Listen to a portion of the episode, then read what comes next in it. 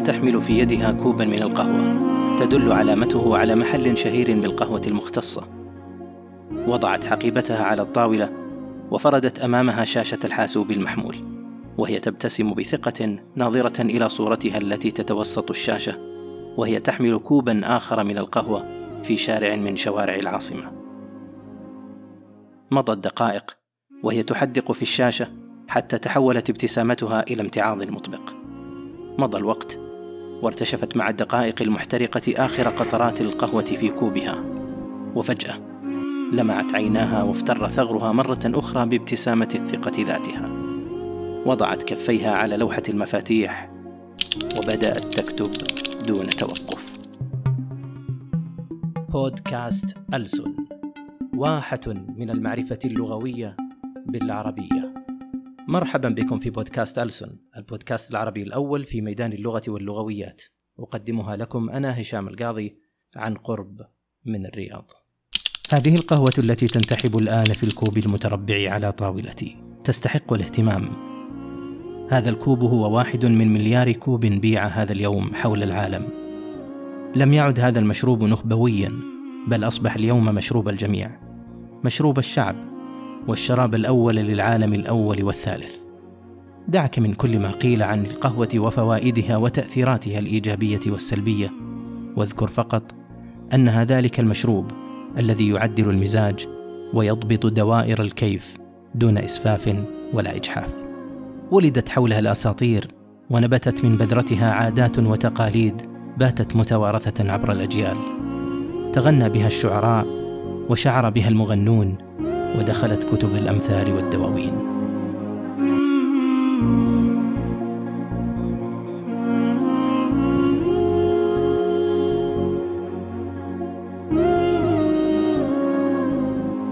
فيما مضى كانت القهوة بهذا الاسم تعني الخمر ذلك الشراب المحرم لما يورثه من فقدان العقل. يقال سميت بذلك لأنها تقهي شاربها عن الطعام أي تذهب شهوته عنه أو تشبعه فلا يبقى للطعام بعدها مكان. قال أبو نواس في خمرياته يا خاطب القهوة الصهباء يمهرها بالرطل يأخذ منها ملأه ذهبا. يا قهوة حرمت إلا على رجل أثرى فأتلف فيها المال والنشبا وقال ابن حمديس الصقلي قهوة لو سقيتها صخرة أورقت باللهو منها والطرب يجذب الروح إليه روحها. ألطف الشيئين عندي من جذب دفنوا اللذة فيها حية وأتى الدهر عليها وذهب. وقد أطلقت القهوة لاحقا على البن المحض لأنه شراب يدار في السمر كما تدار الخمر ولأنها تؤثر في المزاج كما أنها تقهي شاربها عن الطعام أيضا. قال الزبيدي المتوفى قبل قرنين في قاموسه تاج العروس وهي أي القهوة تطلق الآن على ما يشرب من البن. لثمر شجر باليمن يقلى على النار ثم يدق ويغلى بالماء.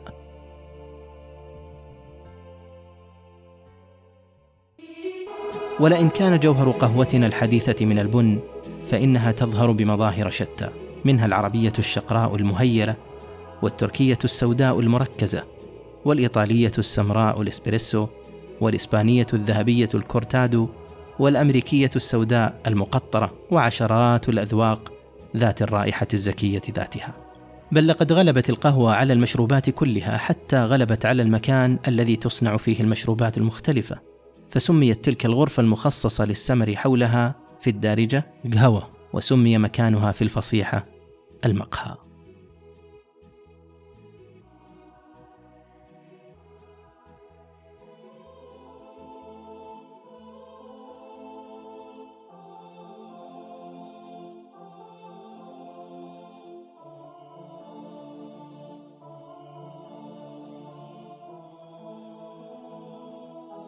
اكتشفت القهوة في بلاد الحبشة وانتقلت عبر التجارة إلى الجزيرة العربية منتصف القرن الخامس عشر الميلادي ثم إلى الحجاز ثم انتقلت إلى مصر في القرن السادس عشر ومن مصر انتقلت القهوة إلى القسطنطينية ثم إلى البندقية التي افتتح أول مقهى أوروبي فيها عام 1645 وأدخل تاجر تركي القهوة إلى إنجلترا عام 1650 ثم شاعت في أوروبا كلها. لقد احتفلت اللغة العربية بالقهوة واحتفت القهوة باللغة العربية فنشرت اسمها وأشهرته في اجتماعاتها بلغات العالم. فتناقلت معظم اللغات الأخرى هذه الكلمة العربية ولفظتها بأصواتها قريبة من اللفظ العربي. فعندما انتقلت القهوة من الجزيرة العربية إلى بلاد الشام نطقوها القهوة بكسر الواو. ثم انتقلت إلى الأتراك الذين نطقوها كافي بصوت اللغة التركية. ثم انتقلت من تركيا إلى أوروبا لينطقها الأوروبيون كافي والأصل الفاخر القهوة العربية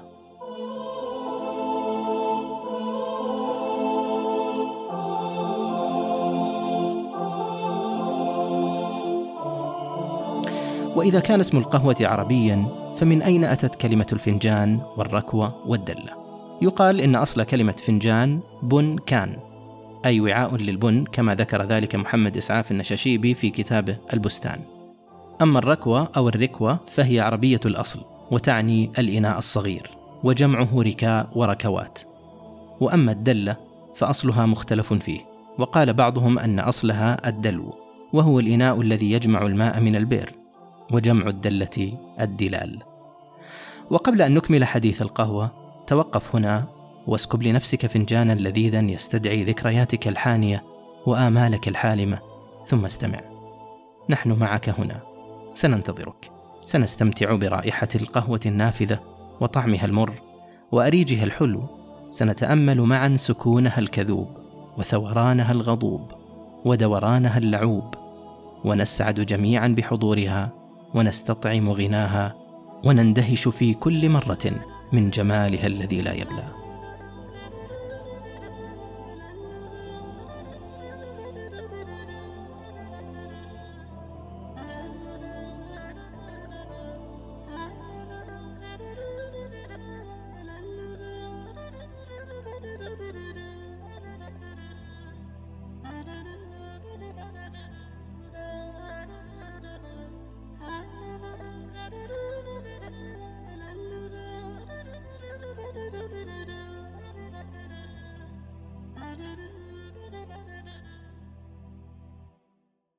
الآن كوبك معك.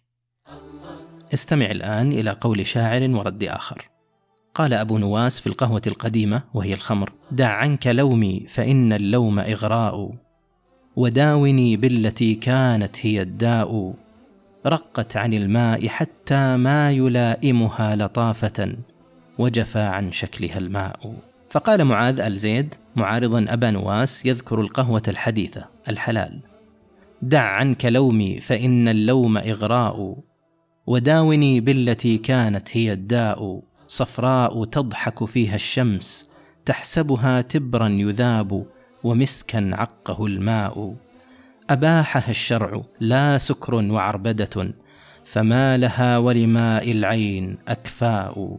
ترغي وتزبد فوق النار في غضب كأنها ولهيب النار أعداء في أهيف من أباريق منعمة كأنها في اختناق الخصر عذراء كأنما الحسن منسوب لطلعتها والمسك من دمها والثغر لألاء فلو رآها أبو النواس إذ سكبت لما دعته إلى الحانات أهواء. وحين أهدى الشاعر مسعود سماحة لشاعر المهجر الشهير إيليا أبو ماضي علبة من البن الفاخر كتب في إهدائه. أدرها قهوة كعصير بكري تجلت في الكؤوس بكف بكري كأن المسك يغلي حين تغلي ويجري في الأواني حين تجري تعيد إلى الضعيف قوى وتهدي إليه غبطة وصفاء فكري. تعشقها الشعوب فكل شعب أعد لها الثغور وكل قطر يضوع عبيرها برمال نجد ويعبق عطرها بقصور مصر تمشى عنبرا في كل أنف وتنزل قرقفا في كل ثغر ويزري طعمها حلوا ومرا بما في الأرض من حلو ومر. فرد عليه إيليا ماضي بقصيدة قال فيها شربناها على سر القوافي وسر الشاعر السمح الأبر فمن أمسى يهيم ببنت قصر فإنا هائمون ببنت قفري إذا حضرت فذلك يوم سعد وإن غابت فذلك يوم قهري لها من ذاتها ستر رقيق كما صبغ الحياء جبين بكري. إذا دارت على الجلاس هشوا كأن كؤوسهم أخبار نصر فما في شربها إثم ونكر وشرب الخمر نكر أي نكر. وتحفظ سر صاحبها مصونا وبنت الكرم تفضح كل سر. وتصلح أن يطاف بها مساء وتحسن أن تكون شراب ظهري. ألست ترى إليها كيف تطغى؟ وكيف تثور إن مست بجمر كأن نخيل مصر قد حساها وإلا ما اهتزاز نخيل مصر؟ جلوت بها من الأكدار ذهني كما أني غسلت هموم صدري وما هي قهوة تطهى وتحسى ولكن نفحة من روح حري.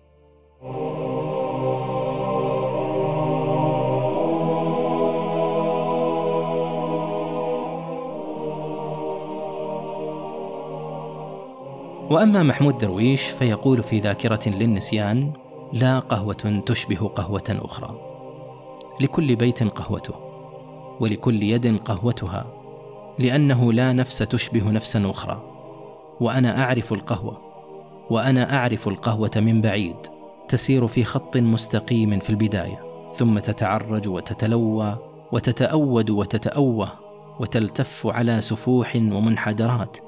تتشبث بسنديانة أو بلوطة وتتغلب لتهبط الوادي وتلتفت إلى ما وراء وتتفتت حنينا إلى صعود الجبل وتصعد حين تتشتت في خيوط الناي الراحل إلى بيتها الأول.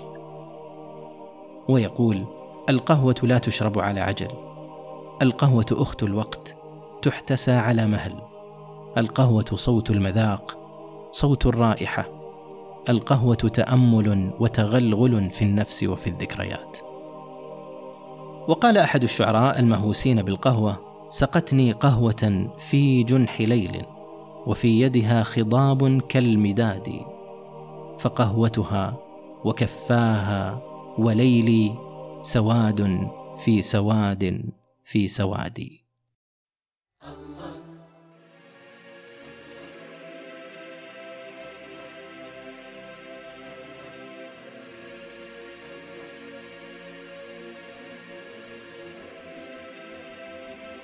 ويقول الشاعر صالح جزا الحربي كان فنجان أبي في المنتصف رفع الفنجان هونا وارتشف رشفة أولى وأخرى في شغف ثم قال يا بني هذه القهوة تدعى العربية قد ورثناها من التاريخ سمراء نقية فتعلم كيف تصبر كل مرة. يا بني قهوة الأجداد حرة. أي طعم يتبقى عندما لا تصبح القهوة مرة أي طعم يتبقى عندما لا تصبح عندما القهوة لا تصبح مرة, القهوة مرة.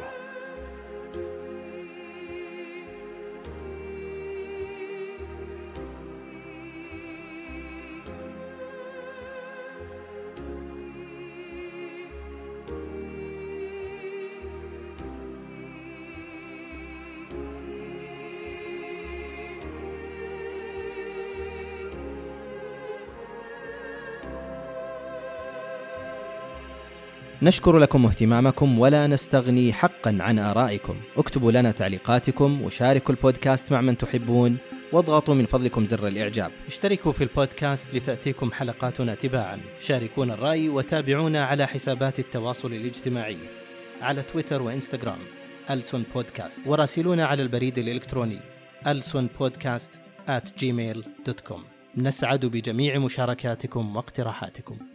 هذا البودكاست من إنتاج فاز لحلول واستشارات تعليم اللغة العربية.